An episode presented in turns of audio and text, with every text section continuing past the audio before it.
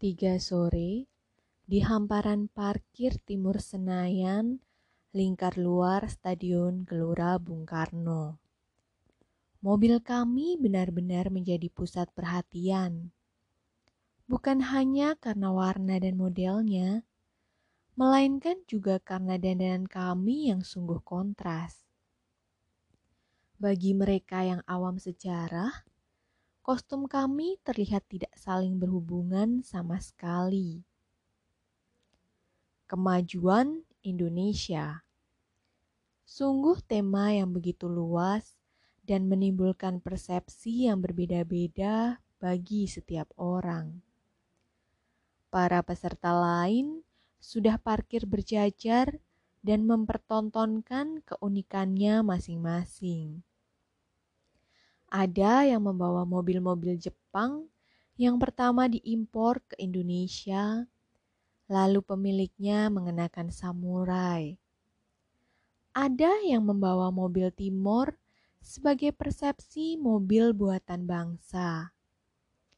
Ada yang membawa mobil van dihiasi dengan parabola di atapnya, melambangkan kemajuan teknologi informasi sementara pemiliknya mengenakan pakaian teknisi. Aku menyapa beberapa teman dan memperkenalkan Anna kepada mereka. Dan seperti biasa, disusul beberapa perbincangan tentang barang antik yang mereka tanyakan keasliannya kepadaku. Tak lama lomba pun dimulai aku dan Anna mendapatkan giliran terakhir.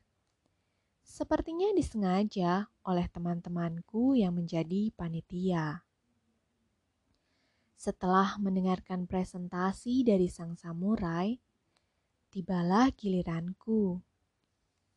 Dengan mengenakan satu set baju safari paskibra lengkap dengan peci yang kupinjam dari SMA-ku serta kacamata hitam Aku mantap naik ke podium. Ditemani Ana yang mengenakan lipstik merah delima menyala, menjepit rambut pirangnya, dan mengenakan gaun putih dengan rok besar. Sang Soekarno ditemani Marilyn Monroe berpidato singkat. Mungkin kebanyakan dari saudara-saudara merasa heran pada kontrasnya kostum kami. Atau bahkan menganggap Soekarno ditemani Marilyn Monroe tiada hubungannya dengan kemajuan Indonesia. Tapi ketahuilah bahwa pada zaman 1956 Soekarno, Bapak Proklamasi, tengah memperjuangkan Indonesia pasca kemerdekaan melalui hubungan diplomatis ke negara lain untuk mendapatkan simpati demi kemajuan Indonesia sendiri. Salah satu kunjungan ke negeri Amerika Serikat dan bertemu Presiden John F. Kennedy serta aktris tersohor asal negeri Paman Sam itu, Marilyn Monroe. Jika saya mendandani perempuan di sebelah saya ini menjadi John F. Kennedy, akan terlihat lucu. Maka dari itu, mari kita sambut Marilyn Monroe. Pidato paling singkat dari seluruh peserta barusan disambut riuh tawa bersamaan dengan tepuk tangan meriah. Bahkan Beberapa ada yang memberikan standing applause.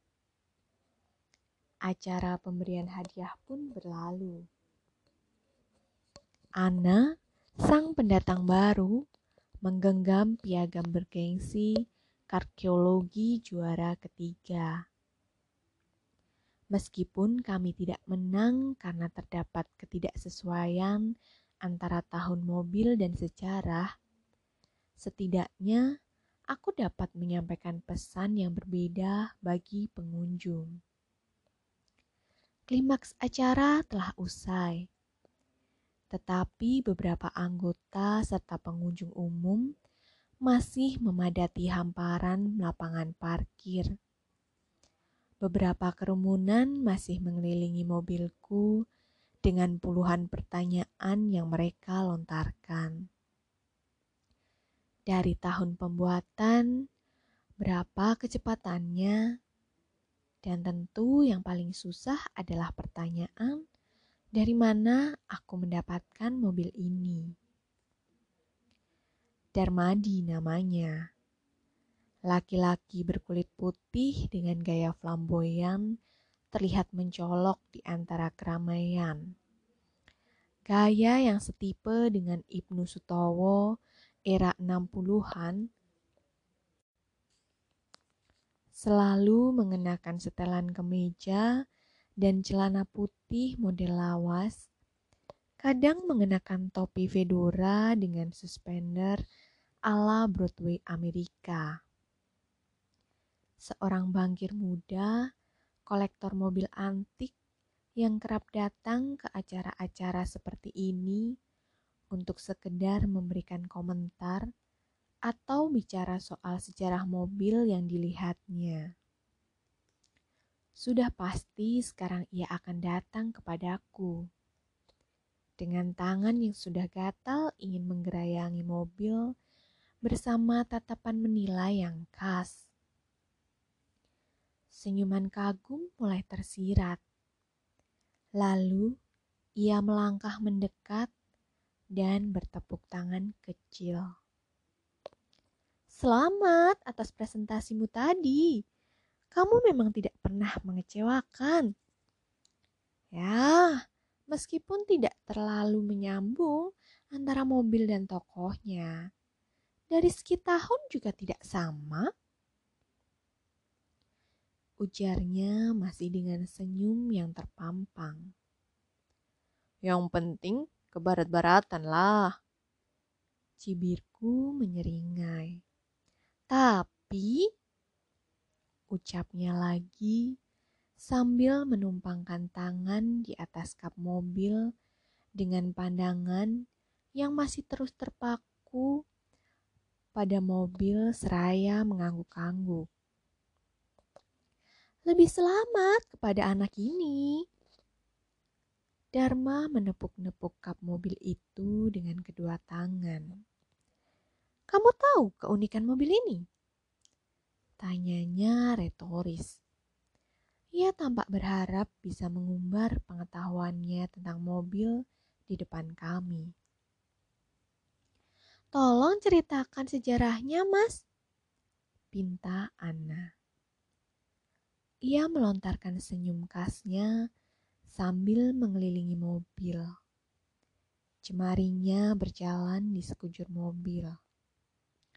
Pertama kali diciptakan tahun 1963 di Stuttgart. Diluncurkan di Jenewa Auto Salon tahun 1963 dengan kode mobil kode model W113. Sebenarnya mobil ini tidak berjiwa sporty. Karakternya bersahaja. Reputasi mobil ini lebih cenderung sebagai mobil Grand Touring ketimbang mobil sport. Apakah mobil ini ikonik? Pernah dipakai dalam film? Sepertinya Ana mulai tertular. Semakin penasaran dengan mobil ini. For, Two for the Road dibintangi Audrey Hepburn dan Julie Christie dalam film Darling. Kata orang, perempuan lebih cantik jika mengendarai mobil ini. Menarik, bukan? Juga pernah dipakai John Lennon. Tambahku. Iya, yang itu dijual di Amerika dan berharga miliaran. Tapi kalau ini bekasnya siapa? Rantau? Ia meringis garing. Kita lihat saja nanti, sedang dalam proses. Balasku. Kalau dari taksasi saya, Mobil ini hampir seluruhnya orisinal, kecuali cat dan joknya. Sayang sekali jok sudah diganti. Entahlah, saya menemukannya sudah seperti ini. Oke lah kalau begitu Rantau, kabari saya kalau kamu sudah bosan dengan mobil ini. Ucapnya mengakhiri obrolan. Ia berbalik badan, lalu mengenakan topi posmennya. Aku hanya menimpalinya dengan senyum simpul. Hari sudah semakin sore. Seusai berbahasa basi dengan anggota karkeologi, aku memutuskan untuk pulang. Masih dengan atribut kontes, aku mengajak Ana masuk ke mobil dan siap berangkat. Baru beberapa meter melaju, tiba-tiba sebuah jeep hitam langsung parkir menyerong tepat di depan menghadang mobilku. Adrenalinku mulai berpacu. Rasa penasaran bercampur takut mulai memenuhi diri. Apa yang sedang terjadi? Apa aku habis menabrak orang? Rasa-rasanya sepanjang perjalanan aku tidak menyinggol siapa pun. Puncak rasa takut muncul saat seseorang berpostur besar dan kekar yang mengenakan jaket jin kumal dengan cekatan keluar dari mobil. Sebuah perampokan? Atau ini pembajakan mobil? Kuharap ini masih bagian dari kontes tadi. Ana, kamu tunggu di sini. Tegasku pada Ana yang juga tampak menggigil ketakutan. Aku memberanikan diri untuk langsung keluar dari mobil. Aku membanting pintu, berjalan tegap, dan semakin condong menantang. Saat mendekat, aku langsung terkejut ketika mengenali wajah laki-laki itu orang yang kulihat di halaman depan rumah Rosdi. Selamat sore, Pak Karno. Anda pasti tahu siapa saya. Ucap laki-laki itu dingin, memandangi safariku. Ia seperti tidak sadar bahwa gelagatnya sangat mencurigakan. Pemuda yang hendak menculik saya ke Rengas Dengklok? Tapi naskah proklamasinya belum jadi. Candaku sinis. Wajah laki-laki itu semakin tidak senang dan mendengus keras. Keheningan petang pecah seketika, berubah mencekam. Mata tajamnya berkesan mengancam. Ia memperkenalkan diri dalam sikap yang terkesan angkuh. Saya Rashid, adik dari pemilik mobil ini sebelumnya. Jadi begini, kakak saya sedang cari mobil seperti ini. Aku menyipitkan mata tak mengerti. Loh, bukankah mobil ini pernah jadi miliknya? Iya, justru itu. Kakak saya menyesal telah menjualnya. Sekarang dia butuh mobil ini lagi. Sangat butuh. Saya rasa lebih baik Anda menjualnya. Maaf, tapi saya belum bisa, dan saya rasa tidak akan. Ia langsung mendecak. Saya beri Anda waktu untuk berpikir. Tidak. Aku mempertegas jawabanku. Seketika, Rashid melayangkan tangannya ke arahku. Tangan itu ditumpangkannya ke bahuku. Saya harap Anda tidak menyesal dengan apa yang Anda putuskan. Rashid berbalik badan menuju jeepnya dan langsung menancapkan gas hingga ban mobilnya berdecit lantang hingga meninggalkan jejak hitam di permukaan jalan beraspal. Satu pertanyaan penting untuk hari ini. Mengapa mobil ini begitu diincarnya? Ada kenyataan apa sebenarnya di balik mobil ini? Aku rasa bukan soal modelnya yang bagus atau kelangkaannya. Rindangnya pemukiman membuat sore semakin malam. Pepohonan menyambut kami kembali ke kawasan Wijaya, rumah Anna. Tepat di depan gerbang rumah, aku menghentikan mobil. Mampir? Tanya Ana sambil menarik tuas pintu untuk keluar dari mobil. Tidak usah, makasih. Jadi, pemilik keduanya kapan? Lanjut. Tentu, besok. Ana tersenyum dan berbisik selamat jalan kepadaku. Ia menutup pintu perlahan seraya melambaikan tangannya. Aku membalas singkat dan kembali memacu mobilku ke tempat Daan. Ditemani cahaya malam metropolis, mobil ini melaju dengan kilau di sekujur permukaan warnanya. Merahnya masih memantulkan sinar-sinar kuning lampu jalan.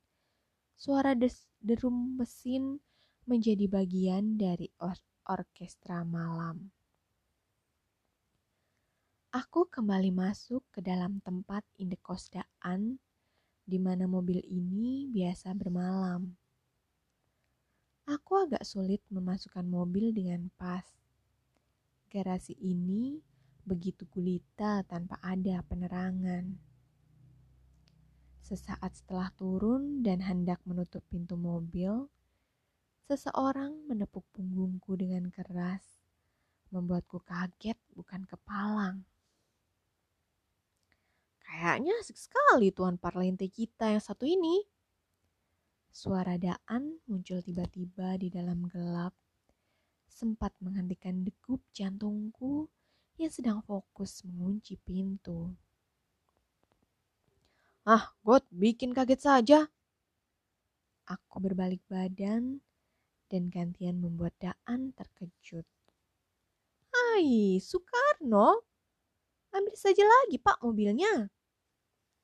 Ledek Daan tersenyum mengesalkan sambil mengembuskan asap rokok di bawah bolam kuning remang yang baru menyala. Ia menyandarkan badannya santai di pilar kayu garasi. Kakinya diangkat sebelah dan telapaknya bertumpu pada pilar itu. Tadi Laura telepon aku, Ran. Parah, kamu gak ngabarin dia sama sekali ya? Katanya handphonemu mati. Iya, kamu tahu sendiri, aku pergi dengan Anna. Daan berdecak heran sambil menggeleng-gelengkan kepalanya. Aku tidak tertarik dengan perempuan itu. Ucapku mengklarifikasi keadaan. Tapi Harusnya kamu kabarin dia, Ran. Sekarang begini, God. Kalau aku kasih tahu apa yang sebenarnya, Elora pasti marah dan melarang semua rencanaku. Padahal, aku harus mencari tahu tentang mobil ini sampai tuntas. Tidak ada yang boleh menghalangiku. Iya, cari tahu sih cari tahu. Tapi, mengapa sampai berhari-hari? Kamu sendiri yang bilang untuk mengikuti permainannya. Mendengar itu, Daan hening sejenak.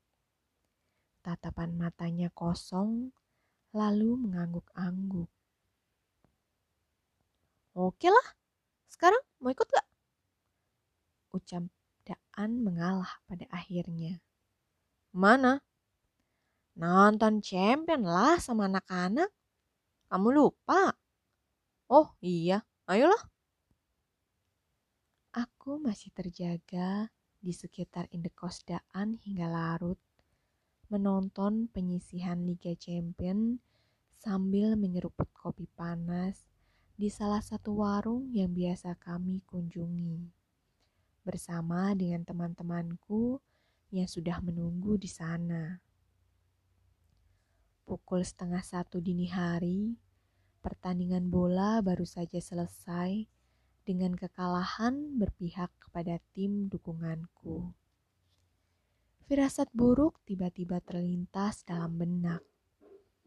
Kuputuskan untuk kembali ke rumah, tetapi sebelumnya aku harus mengambil motor di tempat indekos Daan. Sementara dua temanku yang lain kembali ke tempat indekos mereka masing-masing, aku dan Daan berjalan beriringan di tengah kegelapan malam. Kembali ke indekos Daan yang hanya berjarak beberapa meter dari warung. Perasaan resah mempercepat langkahku hingga Daan agak tertinggal di belakang. Kegelapan dini hari menyeliputi halaman depan yang dinaungi pepohonan besar. Indekos Daan memang sangat minim penerangan. Terlebih bagian garasi tempatku menyimpan mobil. Sebuah garasi kayu tak berdinding yang terpisah beberapa belas meter dari bangunan utama tempat kamar-kamar berada.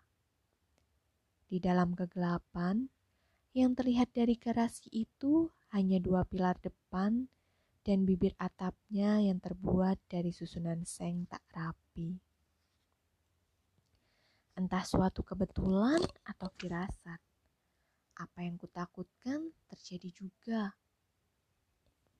Meskipun dalam kegelapan pekat, terlihat sebuah bayangan hitam bergerak-gerak di dekat mobil di bagian sisi kiri, tepat di depan pintu penumpang samar-samar seperti ada seseorang sedang membungkuk memasukkan badannya ke dalam mobil. Woi, siapa di sana? Teriakanku menggelegar tepat ke arah garasi. Sosok itu tersentak kaget, lalu segera mengeluarkan tubuhnya dari mobil. Ia tak menyahut. Aku bersiap untuk menerjang. Kakiku mulai mengambil ancang-ancang berlari, tapi urungku pacu gerakku. Logika menahan kaki yang siap menerjang, terkalahkan rasa takut kalau-kalau pencuri itu ditunjang senjata. Aku segera mencari senjata di dekatku. Kutemukan beberapa bambu tersandar di pohon. Aku langsung menyambarnya dan memasang ancang-ancang laksana pasukan Sparta yang menerjang dengan tombak. Sementara Daan masih berdiam gugup di belakangku. Meskipun aku berlari semakin mendekat, wajahnya tetap tidak terlihat jelas. Ia mengenakan masker hitam, dilengkapi topi dan pakaian hitam-hitam menjadi samar dengan gelapnya tempat ini. Tanpa keraguan lagi, mempercepat langkah ke arahnya, lantas menerjangkan bambuku. Dengan cekatan, sosok misterius itu langsung mundur menjauhi mobil. Seketika ia berlari sangat kencang ke samping menuju tembok pembatas antara lahan tempat indekos dengan kebun sebelah.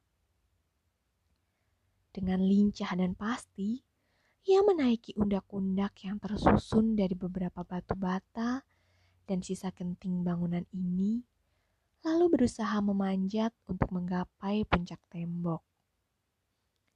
Aku berbelok dan berlari memburunya.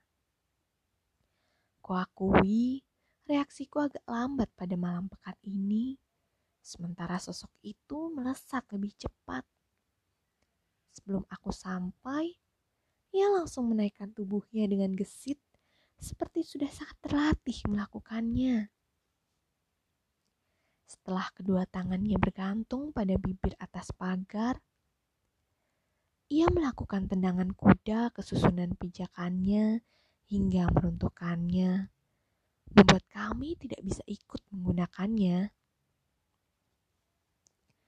Aku baru sampai di muka tembok dan langsung memukulkan bambu. tapi meleset mengenai tembok. Sosok itu sudah mengangkat seluruh tubuh, lalu melompati tembok pembatas dan menghilang dari pandangan kami. Ia melesat sangat cepat bagai hantu. Mustahil untuk memanjat tembok bata yang kira-kira tiga setengah meter ini tanpa adanya undak-undak seperti yang digunakannya. Lagi pula, jika kami bisa melompati tembok ini, di balik tembok hanyalah kebun-kebun gelap yang menyambung ke sungai kecil berawal, lalu entah ke mana, jejaknya pasti sulit ditemukan. Siapa dia, Ran? Tanya Daan memucat dan berjalan mendekat. Aku menggeleng sambil terus memandangi jejak-jejak kejadian. Setelah menganalisis lokasi kejadian, aku menemukan beberapa kejanggalan. Rasanya, undakan itu tidak ada saat terakhir aku memarkir mobil, seolah pijakan itu memang sengaja disusun olehnya. Terlebih lagi, semua tepian atas tembok harusnya dipenuhi di beling-beling hijau, pecahan botol yang tajam, berjejer penuh terkecuali di bagian orang misterius itu melarikan diri. Seolah-olah bling itu bersih dihancurkan sebelumnya. Aksinya bak seorang profesional, begitu presisi dan penuh perhitungan. Aneh, kalaupun ia mau mencuri mobil ini, kenapa nggak membobol pagar indekos dulu, lalu membuka gerbangnya? Jelas-jelas waktu kita sampai gerbang buat jalan masuk mobil, sama motor masih terkunci. Yang lebih aneh, orang itu malah merencanakan kabur jalan kaki ke kebun. Apa yang bisa dibawanya? Ujarku sambil berjongkok dan mengais tanah basah bekas jejak-jejak tersangka. Berarti bukan soal mobilnya.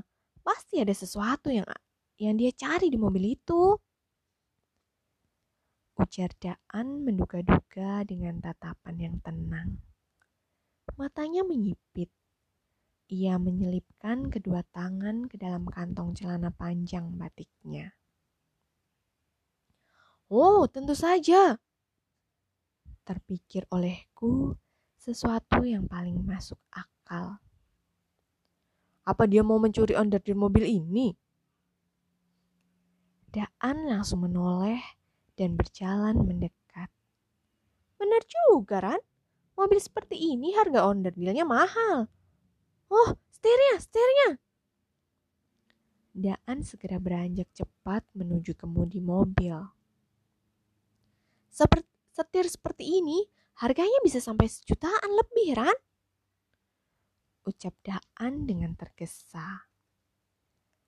Aku ikut menilik ke dalam mobil, tetapi setir, radio, dan kelengkapan dashboard lainnya juga masih terlihat utuh tanpa ada congkelan sedikit pun.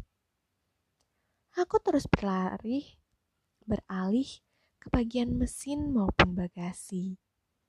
Tetapi tak kunjung ketemukan sesuatu yang janggal. Apa mungkin orang itu tidak sempat mengambil apa pun? Sepertinya belum sempat diambil. Kamu masih beruntung, Ran. Sekarang yang jadi pertanyaan, mengapa di daerah perkampungan seperti ini bisa ada orang yang tahu tentang keberadaan mobil ini? Dan anehnya, bagaimana bisa ada yang sadar nilai onderdilnya? Siapa yang memberitahunya?